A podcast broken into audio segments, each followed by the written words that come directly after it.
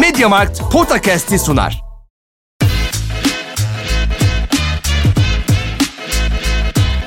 Potakast. Kaan Kural ve Orkun Çolakoğlu'yla NBA gündemine haftalık bir bakış.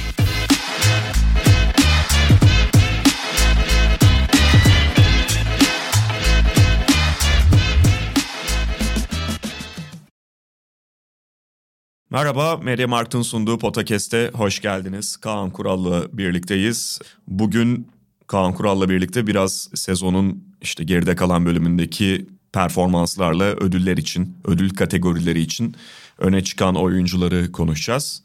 Bununla birlikte biraz buyout piyasasına ve orada ihtiyaçlarını karşılayabilecek, orada arayışta olması gereken takımları da değineceğiz programımızın son bölümünde. Buyout demişken Kaan abi oradan şöyle bir çağrışım yaptı. Mediamarkt'ta stokları eritiyor, depoları boşaltıyor. Bu defa seni korkutacak bir özel gün değil belki ama böyle bir kampanyada var. Ya biz mi boş ya bize mi geldi bu görev yani sorumluluk? Hayır hayır onu diyorum yani sen bu defa rahat ol abi. Kampanya bu defa Abi o kampanya... sana batmıyor, sana abi şöyle dokunmuyor. söyleyeyim. O kampanyalar öyle ya da böyle beni bir şekilde buluyor. Yani ya hanımdan buluyor ya kızdan buluyor. Ben mesela sevgililer gününde konsol istedim. Kimse benimle ilgilenmedi ya. Vallahi ilgilenmedi. Dur belki şey stok eritme kampanyasında gerçi konsollar da çok indirime girmiyor ama ben ona bir bakayım. Onu tekrar Bu çağrın pardon bu çağrını Potakes dışında da tekrarlamış yapmış mıydın? Yok yapmadım da abi şey ben bu iyi fikir ha. Yani aylardır bu konuda muzdaribim ama şimdi ben bunu karşı silah olarak kullanabilirim. Yani bana mesela şey geldikleri zaman yani kızla hanım ya işte ben konsol istiyordum bak gene indirim var falan deyip bunu karşı silah olarak kullanıyorum. Onlar bana aldığı zaman ben onların üstüne çıkabilirim yani böylece. Evet gördüğünüz gibi adım adım bir aile içi savaşa dönüyor bu iş. yani çekişmeden başka bir boyuta geçmiş durumda. Bakalım ilerleyen haftalarda neler olacak. Abi Ama şu- şöyle konsol da alınsa onun parası da benden çıkacak ya. Öyle bir durum da var yani. Şimdi akıllı telefonlardan küçük ev aletlerine işte tabletten televizyona yüzlerce üründe fırsat varmış. Bilgin olsun abi yani konsol şeyi geçmedi burada ama Gene olan bize olacak abi. Yani tabii senin cep senin cephen belli zaten. Not, Aynen. çi- çizdiğin çizgi belli. Hem alacağı yani şöyle e, hem parasını ödeyeceğiz hem de bize yar olmayacak alınan şey. Bakalım. Peki ödülleri konuşacağız ağırlıklı olarak. Sezonun yarısı bittiğinde mi konuşmuştuk tam Yok, hatırlayamıyorum üçte bir, yani. üç- üçte bir ve üçte ikide konuşuyoruz genelde yaklaşık yani. Ama bu sezon bir kere yaptık onu hatırlıyorum Evet işte yani. üçte birde yaptık. Üçte birde yaptık şimdi üçte Ha, ikide. tamam. Üçte ikide yapacağız. Yani işte istersen MVP ile her zaman olduğu gibi başlangıcı yapalım. Yapalım. Ve orada da ilk olarak hani aklıma gelen şu. Biz ilk bu sezon konuştuğumuzda ödüller için adayları belirlediğimizde ve onları değerlendirdiğimizde MVP için mesela benim o gün bir numaraya yazdığım oyuncu Kevin Durant'ti. Evet. Hani açık ara değilse de biraz yok içinde işte o sırada yine değerlendirdiğimiz e, Antetokounmpo'nun da benim için önündeydi Kevin Durant. Tabii şu anda Kevin Durant devre dışı gibi biraz. Hem hani sakatlığı nedeniyle takımında da yok. Ciddi ölçüde maç kaçırmış durumda. Aslında Nets'in bu süreçte yaşadığı problemler ve Kevin Durant'siz dönemde yaşadığı zorluklar, üst üste aldıkları yenilgiler Kevin Durant'in MVP şeyini kuvvetlendirdi sadece Durant tarafından bakarsak yani onun değerini biraz daha belirginleştirdi, biraz altını çizdi diyebiliriz. Ama başka yerlerde başka önemli gelişmeler var. Mesela Joel Embiid'in performansındaki ciddi yükseliş son işte bir buçuk aydaki periyotta. Yok için kendi MVP adaylığını daha da kuvvetlendirmesi bana göre ve Antetokounmpo hatta hatta yani bunların yanına ben DeMar DeRozan'ı da eklemek gerektiğini düşünüyorum. Dolayısıyla hani Kevin Durant cephesinde belki bir gerileme tam anlamıyla olmadı. Hatta oynamadığı maçlar onun adaylığını başka bir taraftan kuvvetlendiriyor, oraya başka bir sav getiriyor olabilir ama diğer oyuncularda öne doğru ciddi adımlar var. Ya sezonun işte yaklaşık üçte birlik bölümüne kadar ki şeyde tabloda dört oyuncu açık ara çok öne çıkmıştı. Yani Hı hı. dördü de birbirinden olağanüstü performanslar sergiliyorlar. E, Ve dördü içinde çok güçlü argümanlar vardı. Yani hepsi MVP'yi hak eden performanslar sergiliyordu. İşte bunlar Jokic, Antetokounmpo, Durant, senin de söylediğin Curry de oradaydı. Evet Hani, doğru bir de Stephen Curry. Curry de oradaydı. Gerçi tam işte bir iki tane kötü maç oynamıştı arka arkaya. Fakat sonra şöyle bir şey oldu. Bir, ha tam da biz ilk konuştuğumuz zaman LeBron'un da çok iyi bir dönem geçirdi. Yani sakatlıktan dönüp çok iyi bir dönem geçirdiği şeydi. Hani LeBron da orada şey olabiliyordu yani hani tekrar kendini göstermişti bir şekilde. Fakat bu ilk dört açık ara öndeydi yani. Açık ara öndeydi. Fakat sonra şöyle bir şey oldu. Bir işte Durant önce şey oldu protokole girdi sonra sakatlandı ve devre dışı kaldı. Şimdi yani Durant yokken takımın durumuna bakınca Durant'in önemini bir kere daha anlıyoruz ama abi şimdi hani 7-8 maç kaçırsa an, yani Gober gibi bir durum olsa anlarım tamam mı? Hani o yokken hı hı. değeri daha çok ortaya çıkıyor diye. Fakat abi yani sezonun yarısını kaçırmış bir oyuncu içinde hani ne kadar önemi, değeri, kalitesi ve sahada yarattığı fark belli olsa da hani yılın yani en değerli oyuncu ödülü, yılın en değerli oyuncusu bunu veremeyiz. Yani benim için o yüzden hı hı. en azından şimdilik Durant devre dışı kaldı ve hani bundan sonra da tekrar bu resme girmesi için sezonun sonuna kadar o kesintisiz oynaması lazım ki hani kaçırdığı maç sayısı işte atıyorum yani sezonun %65-70'ini yani üçte bir ikisinde oynamış olsun. Yani üç, evet. üçte bir üçte bire kadar anlarım ama üçte birden fazlasını kaçırdıysa yani o sezonda verdiği toplam katkı hani maç başına katkıyla toplam katkı gibi düşünmek lazım. Bu toplam katkı yeterli olmuyor o zaman. Tamam her oyuncu belli bir miktarda maçı kaçırıyor. Belli şey anlayışla karşılanabilir. Ama sakatlanmak bir talihsizlik olsa da onun elinde olmayan bir durumda olsa ki yani takım arkadaşı sakatladı biliyorsun. Buna yapacak bir şey yok. E diğer tarafta Curry tam işte biz konuştuğumuz sırada başlamıştı. Hani formsuz bir dönem geçiriyor denir. İşte şut, şutu girmiyor bu ara denir. Ama şimdi bu ara dediğin kavramda biraz evvel işte Durant'in sakatlığından bahsettiğimiz gibi abi işte 3 maç olur, 5 maç olur, bir hafta olur da abi 2,5 2 aydır maç 2 aydır kötü şut atar mısın ya? Yani şu iki ayda, iki hatta iki buçuk, yani iki ay evet yaklaşık 30 maç civarında Curry'nin iyi yani Curry standartlarında şut attığı iki maç falan var. Sürekli 8'de birler, sürekli 10'da ikiler, sürekli 14'te üçler falan böyle atıyor yani. Şeyde Ocak ayında Yanis'le Curry aynı yüzdeyle atmış biliyor musun? İkisi de %31,5 atmış. Üçlük. Öyle ve hani daha önce de bundan bahsetmiştik. 2019-2020 yani eli kırılıp işte sadece 5 maç oynayabildiği sezonu bir kenara atarsak kariyerinin açık ara en düşük yüzdeleri bunlar. Ve şey şimdi Curry tabii şutu inanılmaz önemli. Yani söylemeye gerek yok. Adam yani şutuyla oyunu baştan aşağı değiştirmiş bir adam ve onun sahada varlığı bile bu kadar kötü atmasına rağmen Golden State için olumlu oluyor. Yani çekim etkisi falan. Ne kadar kötü atarsa atsın kimse bırakmıyor. Mesela geçenlerde Clippers maçından sonra Tyron Lue söylemişti. Ya yanın, bir yanında Durant bir yanında Clay Thompson varken biz gene ikili sıkışma getiriyorduk. Öyle bir tehdit o falan diye bahsetmişti. Hı hı. Hı hı. Artı işte daha Draymond Green yokluğunda biraz daha pasör yönü öyle çıktı. Yani Curry gene elinden geleni yapıyor. Ama abi böyle şut atarak ve şu anki form durumuyla bu tartışmada çok geriledi. Fakat şeyle Yanis'le en Antetokounmpo ile yok hiç abi. Hani sezonun ilk üçte biri neyse devamında da aynı standartta devam ediyorlar. Yani inanılmaz yüksek bir standart. Her hafta en az bir tane ulan işte tam MVP'lik maç dedikleri maç oynuyorlar.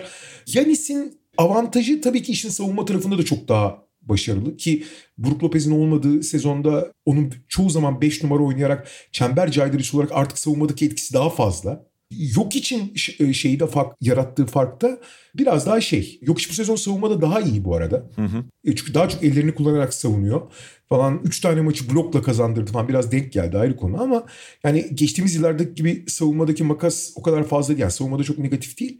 Artı yok için çok daha az şeyi var. Ne derler? standart altı maçı. Yani bu sezon yok hiç iki tane ya da üç tane standart altı. Yani MVP standartının altında maç oynadı. Yanis'in arada oluyor. Mesela Phoenix maçında çok kötü oynadı Yanis. Kendisi çok altında oynadı. Yani yok içle Yanis'in ben bu devamlılığını yani sezon başından beri bu standartı tutturmasını ben onları ilk ikiye koyuyorum o yüzden. Hı hı. Ve yok içi de bu standartı sürekli sürdürdüğü için her ne kadar Yanis'in savunma farkı olsa da yok için biraz daha fazla maç oynaması artı dediğim gibi gerçekten yok için abi bu performans pek yok içi yakışmadı diyeceğin en fazla bir ya da iki maçı olması onu çok ayrı bir yere koyuyor. Çok, şey evrensel sabit abi adam. Şimdi burada bunları sen de katılıyorsun diye tahmin ediyorum. Ee, yani sıralamanı evet. sonra yaparız.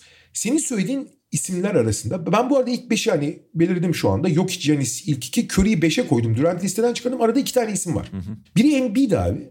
Hani sen söyledin yani son bir buçuk aydır herkesin üzerinde oynuyor. Yani yok içinde Yanis'in koyduğu standartın üstüne çıktı son bir buçuk ayda.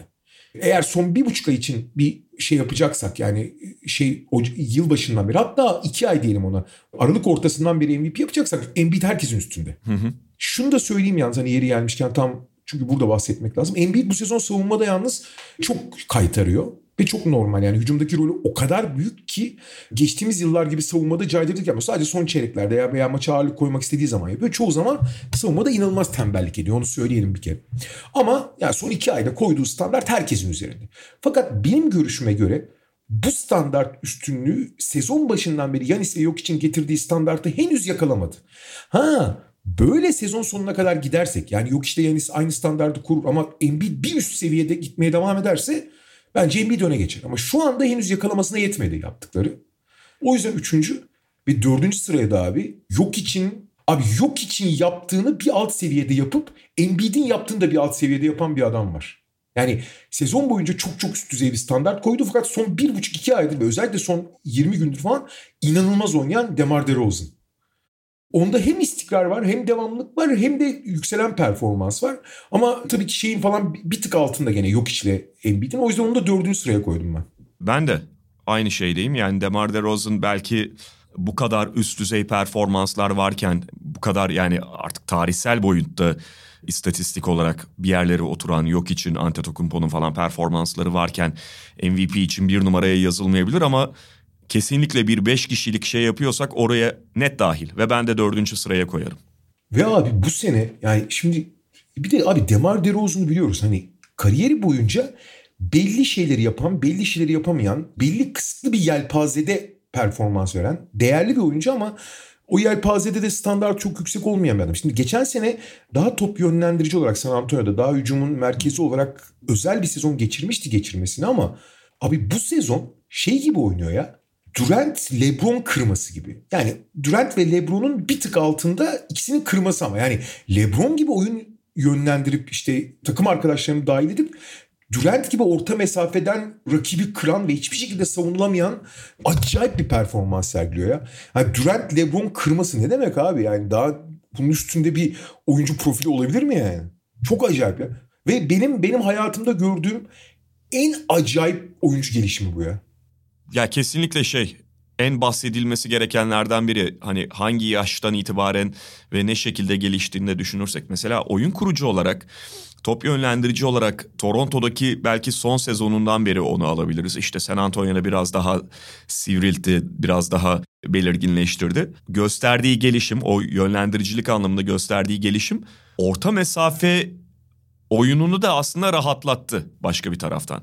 Çünkü artık Demar DeRozan öyle bir hale geldi ki oyunu o kadar iyi okuyabiliyor, rakip savunmayı o kadar iyi hızlı analiz edebiliyor ki ona double team götürmek eskisi kadar kolay ve hemen gelen sonucu pozitif bir şey değil, seçenek değil rakip takımlar açısından. Yani götürürsen götür, baskı götürürsen götür.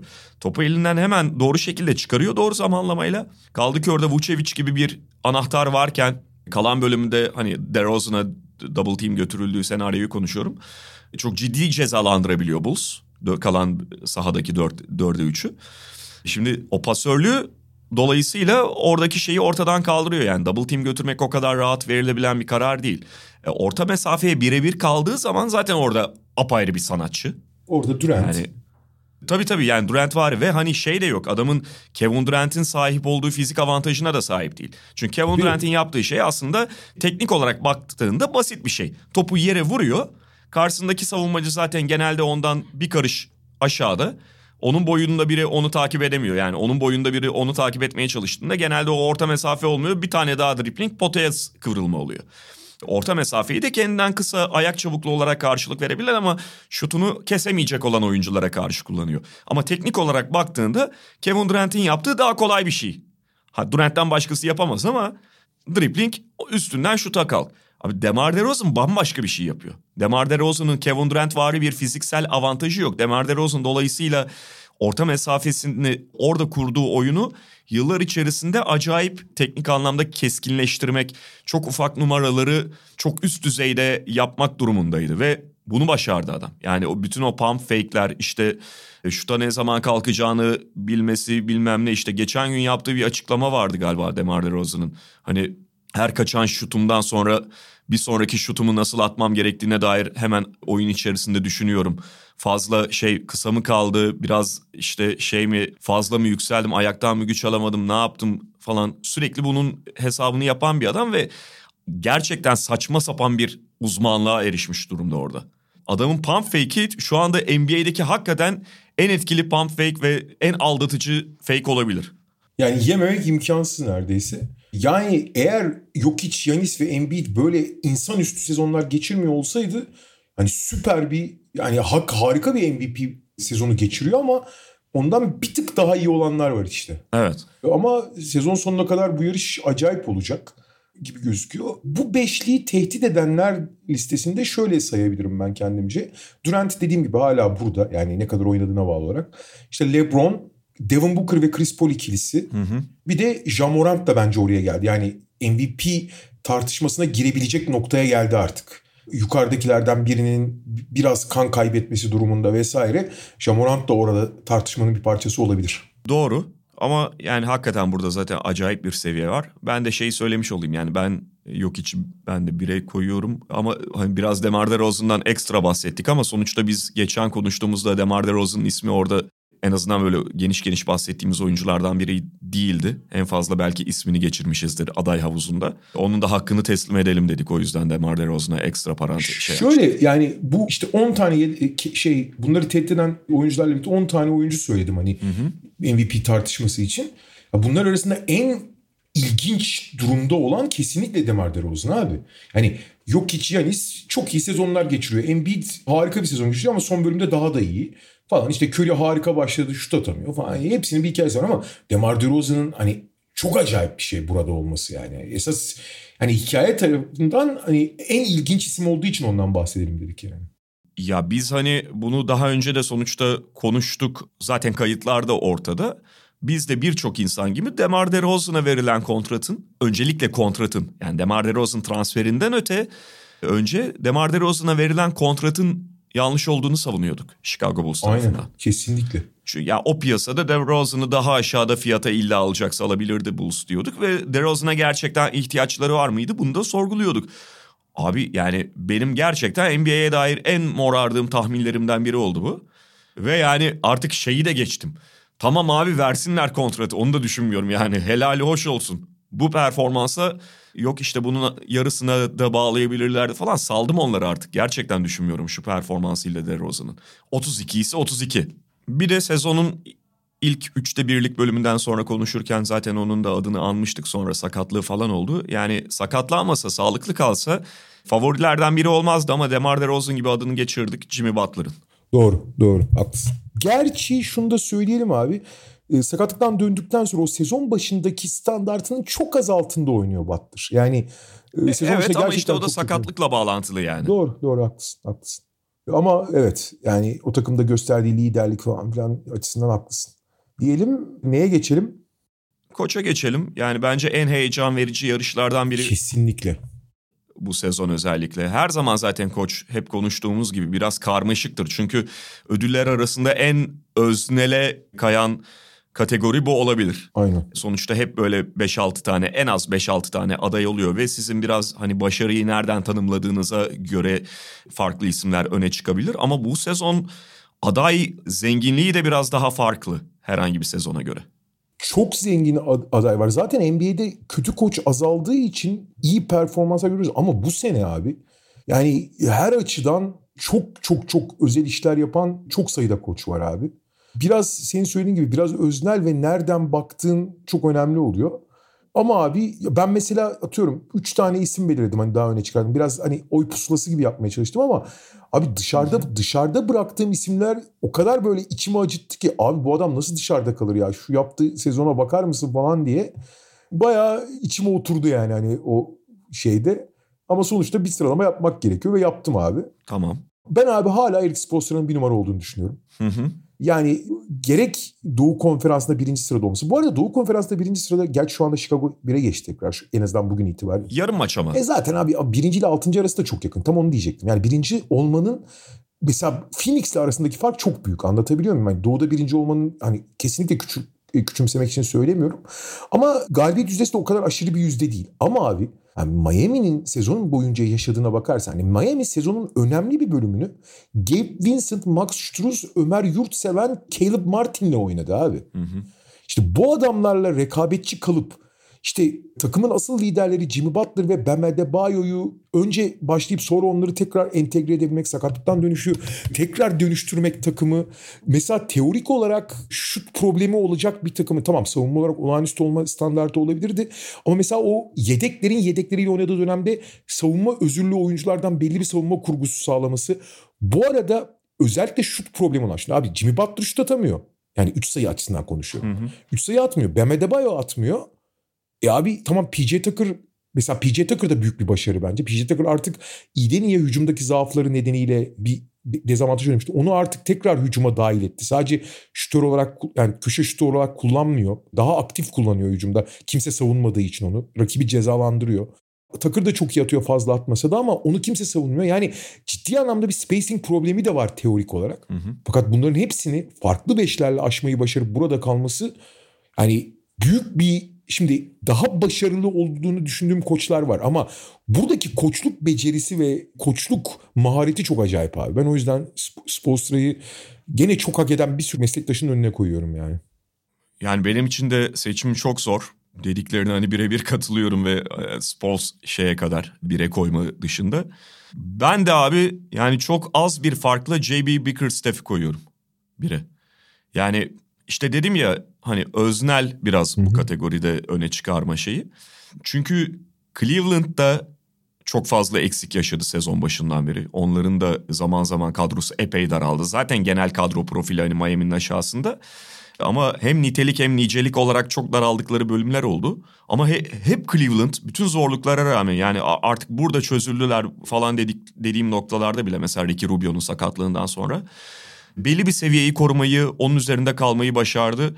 Bence yani her ne kadar mesela Darius Garland'ın işte bireysel gelişimi efendim işte Evan Mobley'nin beklenenin çok ötesinde bir olgunlukla oynaması bir çaylak olarak falan bunlar çok önemli faktörler olsa da şu kadronun bence bu çizgiyi koruması gün yani doğuda zirvenin iki buçuk maç sadece arkasında olması falan ilk dört içerisinde yer alması bunlar çok etkileyici şeyler. Ee, ya hepsine kat. Ve ben mesela özellikle savunma şeyin yani şu kadrodan ben mesela yani iki uzun oynuyorsun işte üç numarada Markanen'le başlıyorsun sezon başında falan. Hatta üç uzun oynuyorsun evet. Tabii tabii yani o alan savunmasıyla falan onu yoğun kullanarak ve şey de mesela Cleveland maçtan maça mücadele ve savunma konsantrasyonu en az oynayan takımlardan biri. Belki birincisidir. Ha bu kadar aç takımlarda, bu kadar genç oyuncudan kurulu takımlarda bunu tesis etmek daha kolay olabilir. E, yıldızlı takımlara göre. Yani sonuçta koçun hakimiyetini aşan durumlarda olabiliyor ama oyuncudan gelen bir şey varsa, e, oyuncu kendi kendini zaten ateşleyebiliyorsa, o motor çalışıyorsa biraz koçun işini kolaylaştıran bir şey var. Cleveland'da da bu geçerli olabilir ama ya ne olursa olsun ben bu savunma istikrarı genel hani kadronun beklenenin üzerine çıkması, ciddiyetleri, maçtan maça motivasyonları bütün hepsini değerlendirdiğimde yarım boy önüne koyuyorum Bickerstaff'i Spolstra'nın. Valla ben açıkçası orada yani Bickerstaff benim için de bu listede ve çok değerli iş yapıyor ama ben ilk üçe koyamadım abi. Çünkü Bickerstaff'in... Öyle mi? Evet. Ya Bickerstaff'in özellikle üç uzunlu oynama tercihi çok cesur bir tercih olsa da takımın bu sezon gösterdiği başarıda Bickerstaff işini çok kolaylaştıran bir sürü faktör olduğunu düşünüyorum. Başta Mobley olmak üzere ve yani Spolstra gibi veya işte ilk üçte sayacağım diğer koçlar gibi takımın geldiği noktada takıma olan dokunuşunun onlar kadar fazla olmadığını düşünüyorum. Bu hani Bickerstaff kötü iş yani yetersiz ya da şey diye değil. Bu koçların daha büyük bir maharet gösterdiğini düşünüyorum ben. Hı hı. Takımlarının geldiği noktada. Bickerstaff'in yaptığı iş de çok değerli. Ben onu o yüzden hani alamadığım için çok üzüldüklerim arasına aldım.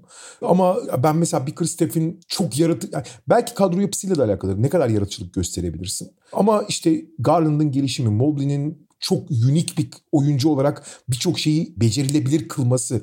Jared Allen'ın gelişimi, Jared Allen Mobley ikilisinin birbirini muazzam tamamlamasıyla çok daha bağlantılı olduğunu ve buradaki bir Christopher'ın payının daha düşük olduğunu düşünüyorum. Şahsen kişisel görüşüm o yani. Onu söyleyeyim. O yüzden 2 ile 3'ümü de söyleyeyim abi de o zaman hani nereden baktığım daha nereden baktığım daha net anlaşılır. Tabii. 2 Billy Donovan abi. Hı hı. O da işte yani Spolstra için söylediğimiz pek çok şeyi söyleyebiliriz. Orada da tabii Demar DeRozan'ın bu seviyeye çıkmasının çok önemli payı var. Ama abi mesela düşünüyorsun işte Lonzo Ball'u kaybet. Yani takımın en önemli gücü neydi sezon başında? Dış savunması değil mi? Lonzo Ball, Caruso. Onların ikisini de kaybettin. Hı hı. Zach Lavin şu anda sakat. Gerçi hani sezonun genelinde. Ama Nikola Vucevic ilk iki ay felaketti hücumda mesela. Patrick Williams daha sezonun başında kaybettin. İşte Ayo Dosunmu'nun ve Aynı şey gibi işte Garland'ın çıkışını Demar DeRozan'a paralellik kurabiliriz. Dosunmu'nun performansında belki de şey Evan Mobley ile ama bunların monte edilmesi işte ne bileyim Troy Brown Jr.'lardan, Javonta Green'lerden ki hani daha önce denenmiş ama hiç verim alamamış oyunculardan verim alınmasını, hücum anlamında son derece sınırlı oyuncuları savunmada ki belli eksikleri yani Vucevic ve DeRozan'ın iyi niyetine rağmen eksiklerini kapatmasıyla falan Hani çok iyi iş çıkardığını düşünüyorum. Denovan'ı o yüzden ikiye, Steve Kerr de üçe yazdım abi ben. Yani Steve Kerr de bence ligin en zor basketbolunu oynatıyor. Hı hı. Yani gerçekten read and react basketbolu yani okuma ve reaksiyon basketbolu. Yani bunu oyunculara anlatmak, bunu oyunculara işlemek. Tabii ki buna uygun oyuncular seçmek önemli. Yani Otto Porter'lar, Andrei Gadala'larla oynamak daha kolay bunu. Yani yan parçalar olarak söylüyorum ya da pool'larla. Geçen sene mesela hiç oynayamıyordu takım. O yüzden tamamen ikili oyuna dönmüşlerdi. Ama bu sezon onu yerleştirebilmek. Artı evet Draymond Green'e sahip olsan da bu takıma olağanüstü bir savunma kimliği kazandırmak falan Curry'nin çok büyük başarısı bence. Ben o yüzden Spolstra, Donovan ve Curry'i ilk üçe aldım abi. Yani şey olarak da hani çok içim yanarak da alamadıklarımı da sayayım. Hani hepsine uzun uzun konuşmamıza gerek yok ama biliyoruz. Bickerstaff senin söylediğin gibi. Nick Nurse hı hı. yani deli dahi yani onun yaptıkları zaten inanılmaz. Ne kadar verim aldığı bazen tartışılır. Bazen hatta kendi çılgınlığına ve kendi yaratıcılığına biraz fazla kapılıyor olabilir bazen. Chris Finch abi o Minnesota'nın kültürünü değiştirmesi ve işte Vanderbilt'i ekledikten sonra gerçekten güçlü bir savunma kurgusu kurabilmesi hiç savunma düşünmeyen takıma. E, Taylor Jenkins hı hı. yani felaket başlamıştı Memphis hatırlıyorsun.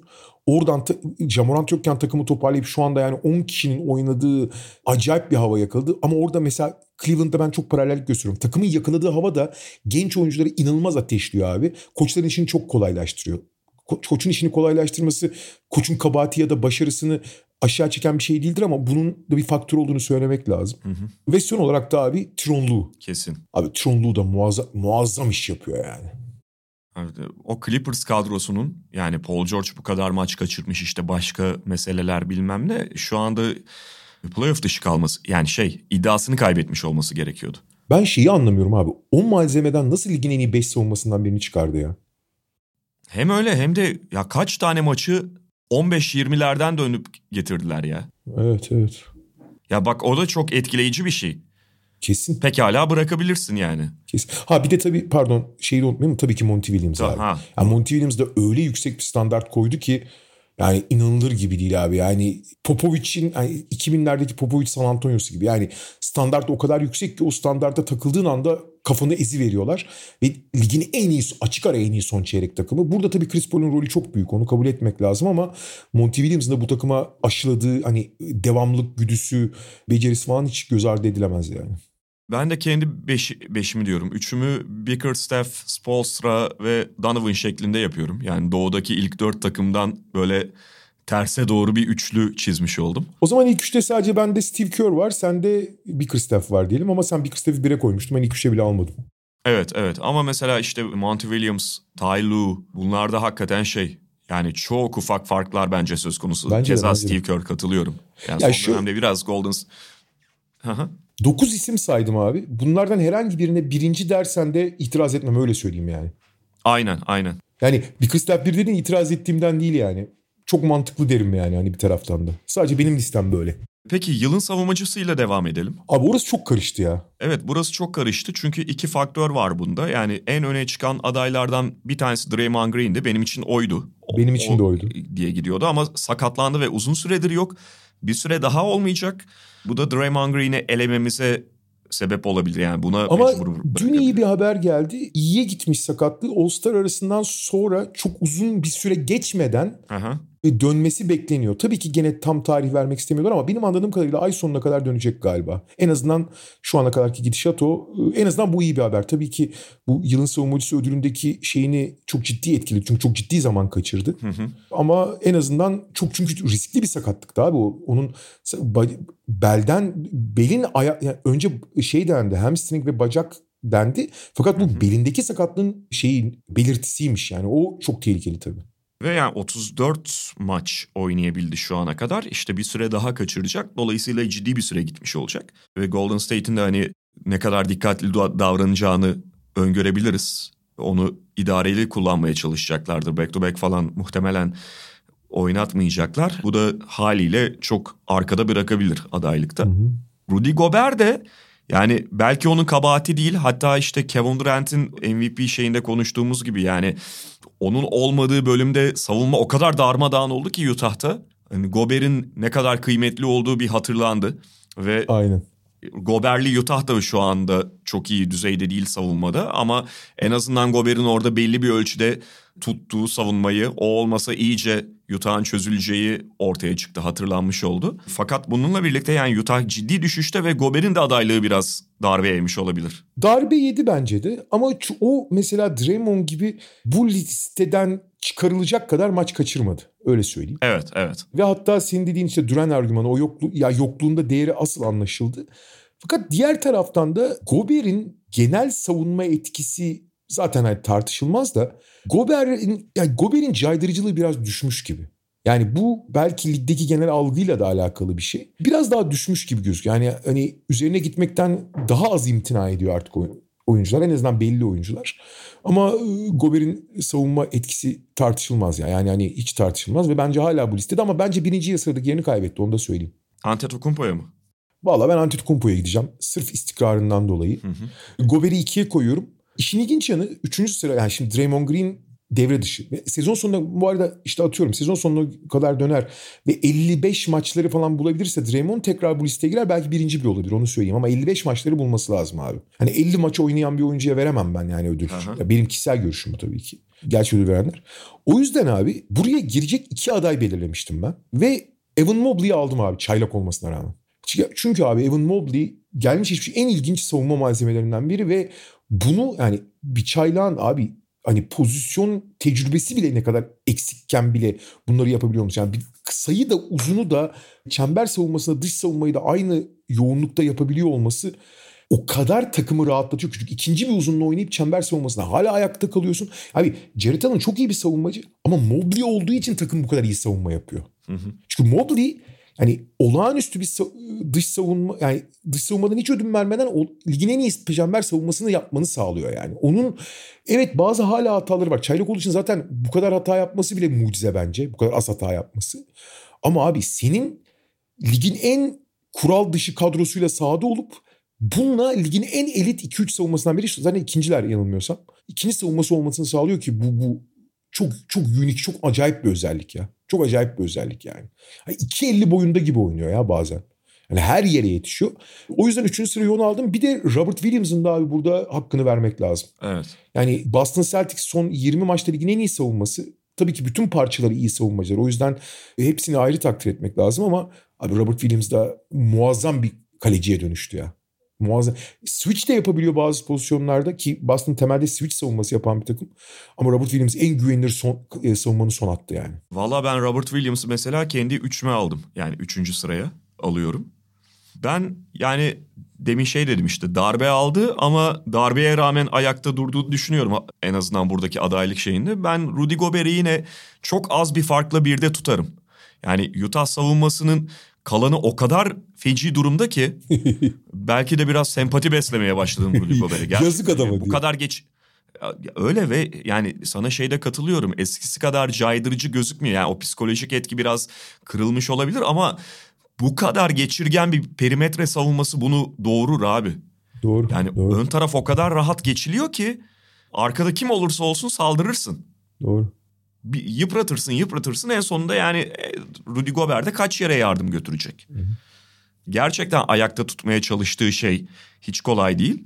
O yokken zaten darmadağın oldular. Hala Gobert'in sahada olduğu dakikalarda üst düzeydeler yani. Bu istatistiklere bütünüyle çok fazla anlam yüklenmemesi gerektiğini düşünüyorum. Biraz yanıltıcılığı olabiliyor. Ama ben Antetokounmpo'nun bir tık önüne koyarım. Antetokounmpo 2, Rob Williams 3 diyeceğim. Şeyi yani çok az farklı dışarıda bırakıyorum Michael Bridges'ı. Ee, abi şöyle ben Michael Bridges'i çok seviyorum sevmesine de. Bir zaten hani bir dış savunmacının gerçi bu sezon etkisi artsa da toplam savunmaya etkisi konusundaki fikirlerimi hani hep yıllardır söylüyorum. İkincisi abi Michael Bridges fizikli oyuncuları o kadar iyi savunamıyor. E, Bridges çabuk oyun. Yani şöyle diyelim. Biz genelde hani dış savunmacılar işte 3-4, 2-3-4'leri savunurlar ya genelde. Michael Bridges'in avantajı birleri savunabiliyor olması. Yani orada belki de artı puan vermek lazım. Çünkü topla çok çabuk birleri bile savunabiliyor. Ama hafif dışları savunuyor. Fizikli dış oyunculara karşı çok zorlanıyor Michael Bridges. Ya öyle ama yani mesela Michael Bridges'ın yani bu mesela playoff'ta daha büyük bir sorun haline gelebilir eşleşmeye de bağlı olarak. Ama genel şeyde baktığında hani dış savunmada savunamadığı oyuncu şeyi çok yoğun değil sonuçta. Ve Michael Bridges çok uzun abi.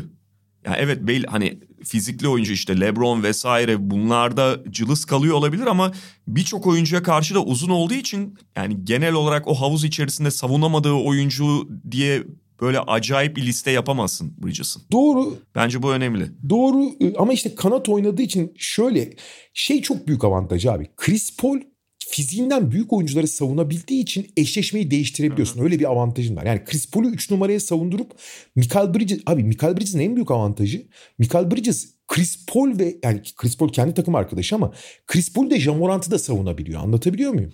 Yani Jamorant'ı savunduramazsın abi herhangi bir dış savunmacıya.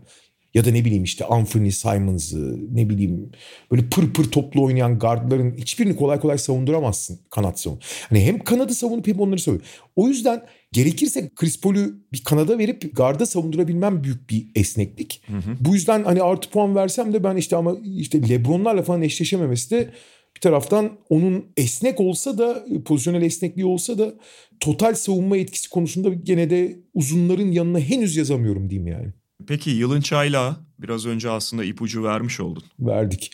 Bu nispeten daha kolay. Ya benim ilk üçüm değişmedi açıkçası. Hı hı. Yani uzun uzun konuştuk zaten. Evan Mobley bir. Sezon başındaki performansı düşmüş olsa da Scottie Barnes hala iki.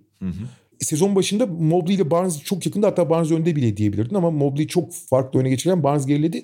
Benim için hala Franz Wagner 3 bu arada. Franz Wagner de bence aynı standartı tutturuyor. Evet. Onları zorlayan da 3 isim var.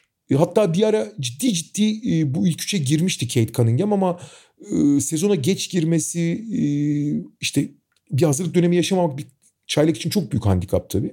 Ama sezon ilerledikçe abi işte Kate kendini gösteriyor falan dedik ama hiç oraları koruyamadı abi. Yani iki iyi maç, iki kötü maç. Düştü yine evet. İki iyi maç, iki kötü maçla olmaz o iş yani. Ee, fakat son dönemde bu tartışmaya girebilecek iki tane yükselen performans var. Biri daha alt seviyede Ayodos'un mu? Kesinlikle Hı hı. İyi bir sezon geçiriyor ve özellikle işte Lonzo Ball'un yokluğunda oyun kurucu olarak da çok iyi iş yaptı ama bu ilk üçü henüz tehdit edebilecek seviyede değil. Bu ilk üçü tehdit edebilecek bir tane oyuncu çıktı bence. Kate Cunningham hani bir miktar tehdit ediyor olsa da o da Josh Giddey. Evet. Yani biraz tabii Oklahoma City'de çok rahat olmasının, baskının çok az olmasının, topla rahat oynuyor olmasının, bütün istatistiklerini yükseltebiliyor olmasının değeri var ama abi tamam belli mobilite sorunları olabilir, çok iyi bir şutör olmayabilir ama saha görüşü olarak, fiziğini kullanmak olarak, rebound gücü olarak falan hakikaten özel bir oyuncu olduğunu gösterdi Giddey.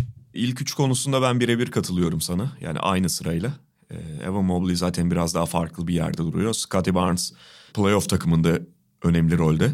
Üçe de ben de Franz Wagner'ı yazarım. Yani çok daha stabil bir performans var. İşte Kate Cunningham'lere falan göre. Hani evet Gidi dördüncü sırayı alabilir.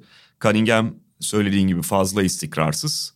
Ama ilk üç bence belli. Çok yani kişiden kişiye değişmez bu. Giddey ama orayı zorluyor ya. Ba- Scottie Barnes ve Wagner yani sezonun son bölümünü çok iyi oynamazsa sezon sonunda değiştirebilir. Bence Mobley artık aldı ödülü de diğerleri düşünsün. Olabilir olabilir yok ama şu anda üçten Wagner'ı almam yani. Doğru doğru. Hani Orlando kötü falan diye sonuçta hani Gidi'nin falan da oynadığı takım belli ve şey yani ve Wagner hani biraz daha oynatabilen oyuncularla çok daha fazla fark yaratabilirdi Kesinlikle. gerçekten. Kesinlikle. Altıncı adam Altıncı adam bir dakika şöyle bir adaylara göz gezdiriyorum.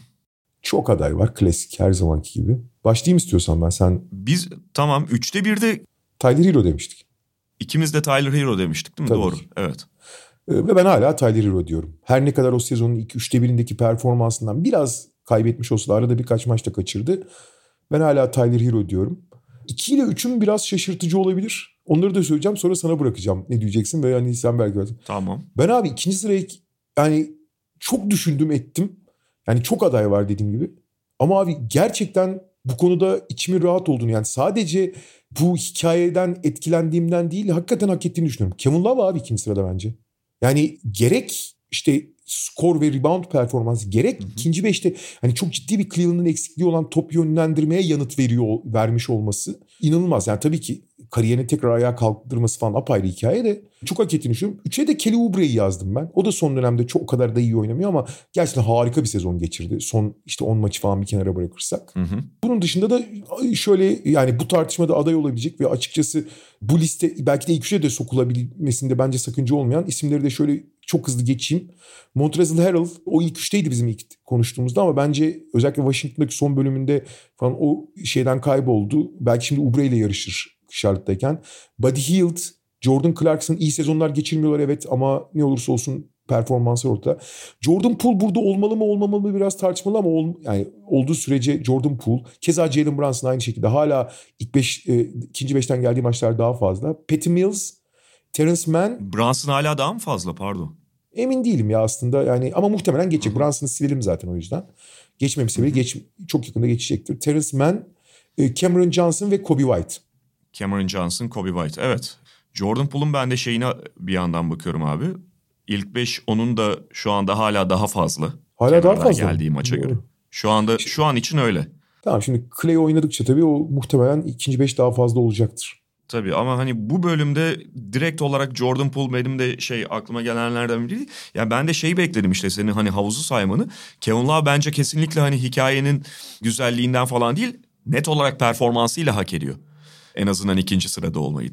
Çünkü şöyle bir şey var. Biraz önce Bickerstaff'le ilgili konuşurken bahsettiğim konu.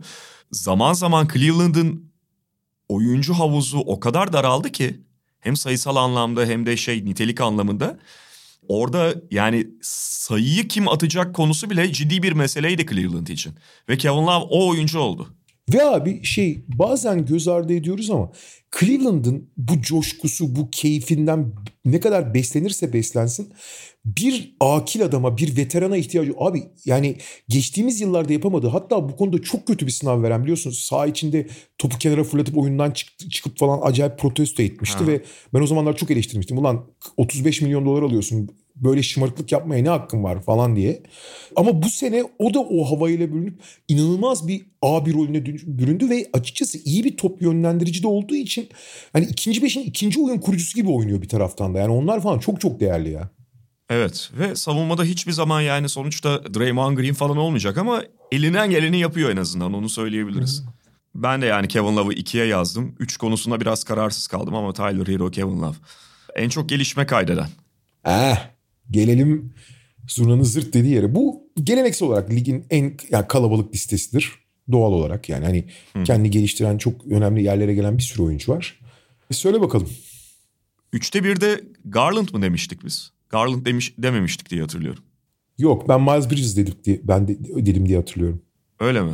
Hı hı. Ben ben de öyle demiş olabilirim. Yani sanki Garland, Garland demedik çünkü Garland o zaman bu kadar sivrilmemişti. Evet. Yani çok çok gelişmişti ama bu derece değildi. E, ama Garland'ın adını geçirmiştik. Evet. E, evet. Hani o zaman ne dediğimiz bir numaraya kimi koyduğumuz üzerinden başlayayım dedim de söylediğim gibi hatırlayamadım. Diğer adaylara baktığımda işte Miles Bridges, Garland. E, ha bu arada hatırlatma geldi bir saniye. Güzel. Cole Anthony, Tyrese Maxey demişiz. İşte biraz böyle havuzu şey yaparken Jordan Poole, Tyler Hero, Garland, DeJounte Murray, Ja Morant onlardan bahsederken sen işte Miles Bridges'ı söylüyorsun. İkimiz de Miles Bridges diye bağlamışız.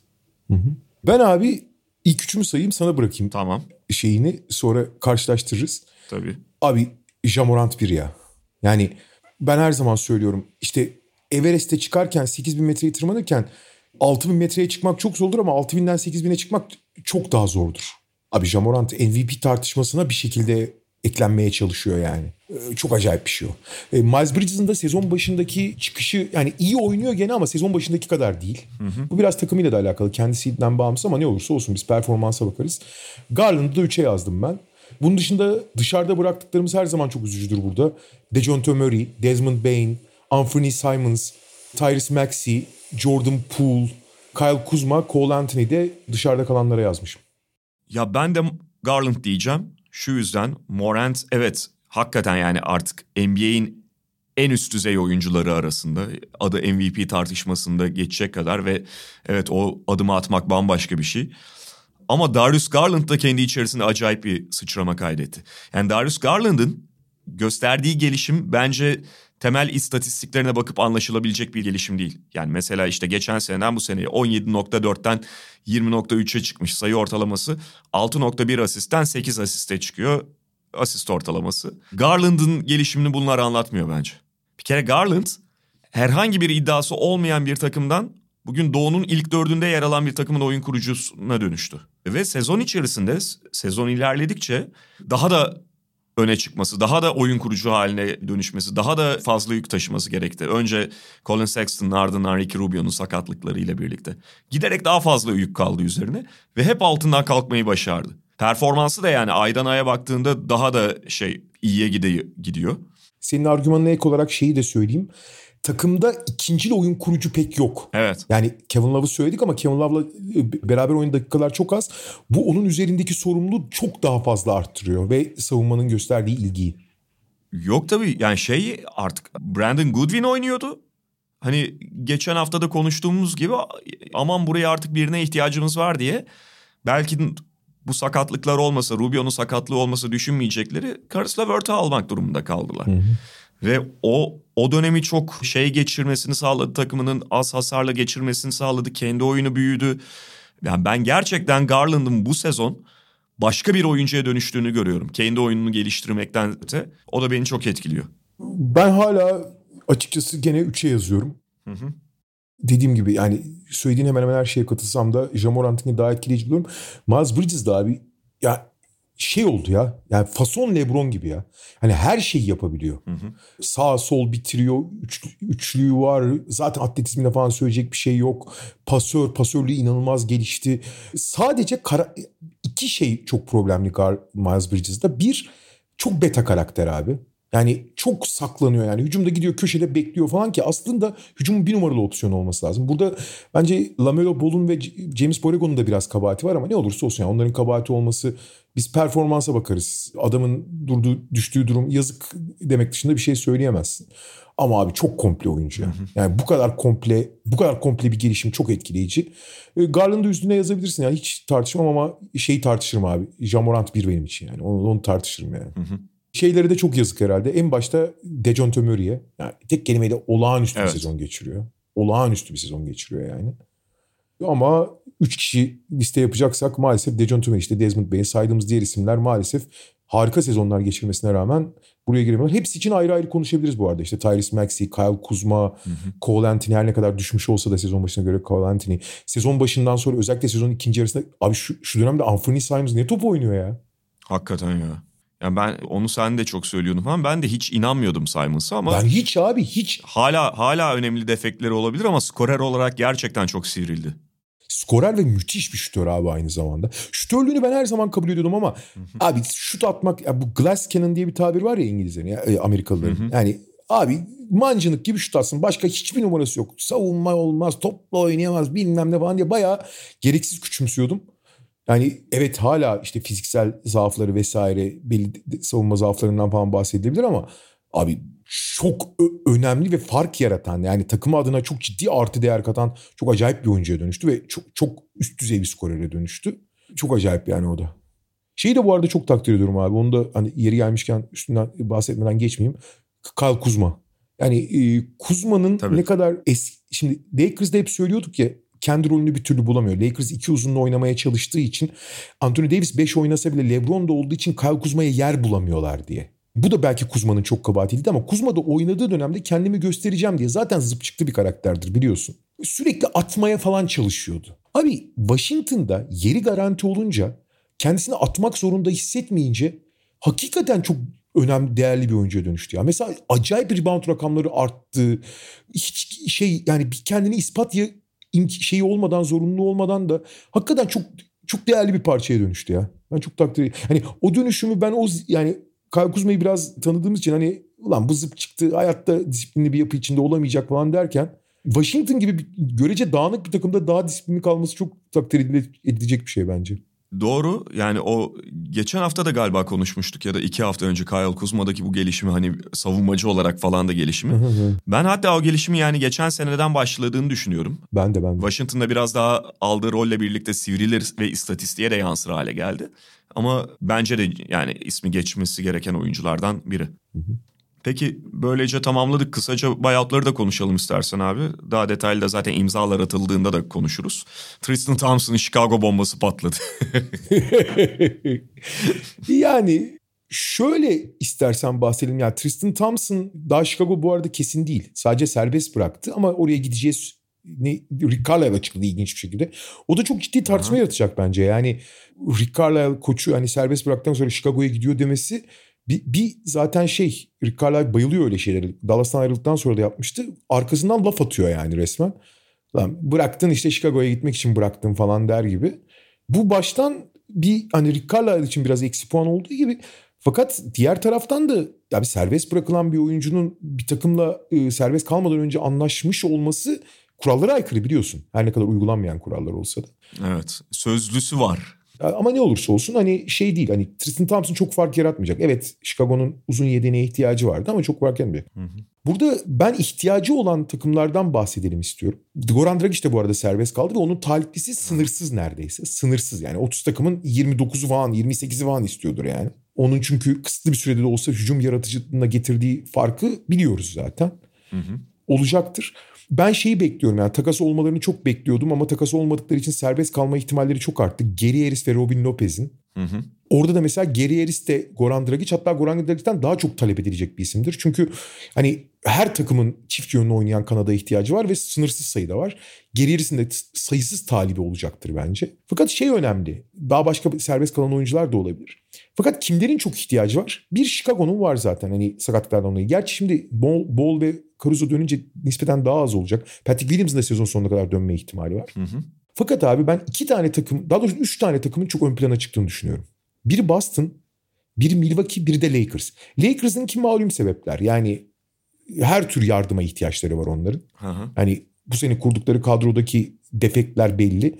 Abi işte sezon ortasında Golden State'in ilk 15 kişilik kadroyu alıp almayıp attığı Avery Bradley ilk 5 başlıyor. Daha ne olsun yani? Hani kimi bulsalar oynatmaya çalışıyor adamlar iş yapacak yani. O yüzden hani Lakers bir kere. Fakat Boston'la Milwaukee'de şöyle bir durum oldu. Takas döneminin sonrasında çok daraldı kadroları. Evet. Boston zaten şu anda 13 tane 13 tane kontratlı oyuncu var. 2 tane boşluk var kadroda. Aynen. Milwaukee'de de öyle. Milwaukee'de bir de Pat Connaughton elini kırdı. Hı hı. Dante DiVincenzo ayrıldıktan sonra. George Hill zaten hani hep sakat. Abi uzun rotasyonu pardon kanat rotasyonu inanılmaz daralmış durumda Milwaukee'de. Hı hı. Milwaukee'nin aşırı ihtiyacı var. Boston'da kadro çok daraldı takaslar yüzünden. Zaten 13 kişi oynuyorlar dediğimiz gibi. Ha, geri için birbirlerini gırtlaklayacaklar bence yani. Aynen yani Allah'ını seven kanat göndersin buraya noktasına geldi Milwaukee. Boston'da kesinlikle öyle işte yani onlar da dar kadroyla devam etmek istemeyeceklerdir bu kadar. Lakers biraz ben şeye koyuyorum yani Allah bu, hani kurtarılamaz bir noktada zaten. ee, Doktorun her yesin dedi.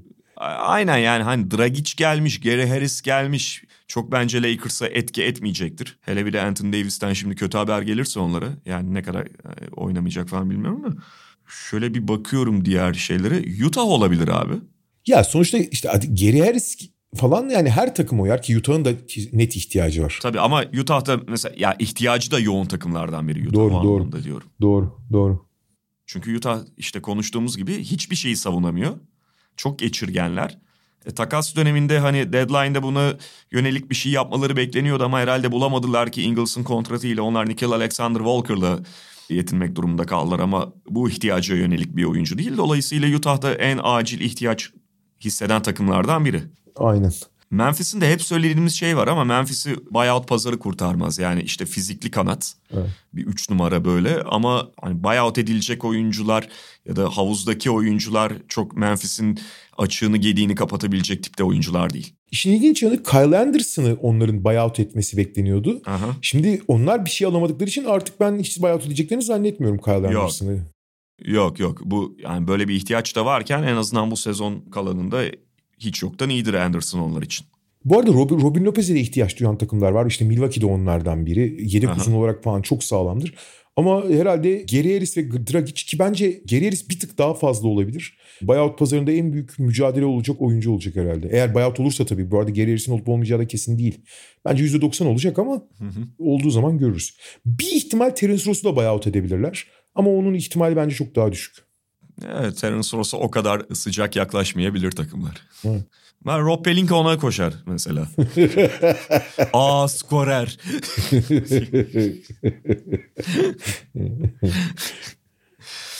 Peki o zaman böylece bitirelim. Mediamarkt'ın sunduğu podcast'te bu haftalık sona geldik. Haftaya tekrar görüşmek üzere diyoruz. Hoşçakalın. Program biterken yine Lakers'ın altına oyan bir Orkun Çolakoğlu gördük. Yazık yazık yani bir camiadan uzaklaştım diye böyle şey yapılmaz. Algı operasyonu yapılmaz. Gerçi algı operasyonu yapacak bir şey yok. Ortada durum ya. Algı yapacak bir şey kalmamış pek. Öyle yani bunlarla ilgili daha uzun konuşacağız ee, diyelim. Tamam. Görüşmek üzere. Hoşçakalın. Hoşçakalın. Mediamarkt Podcast'i sundu.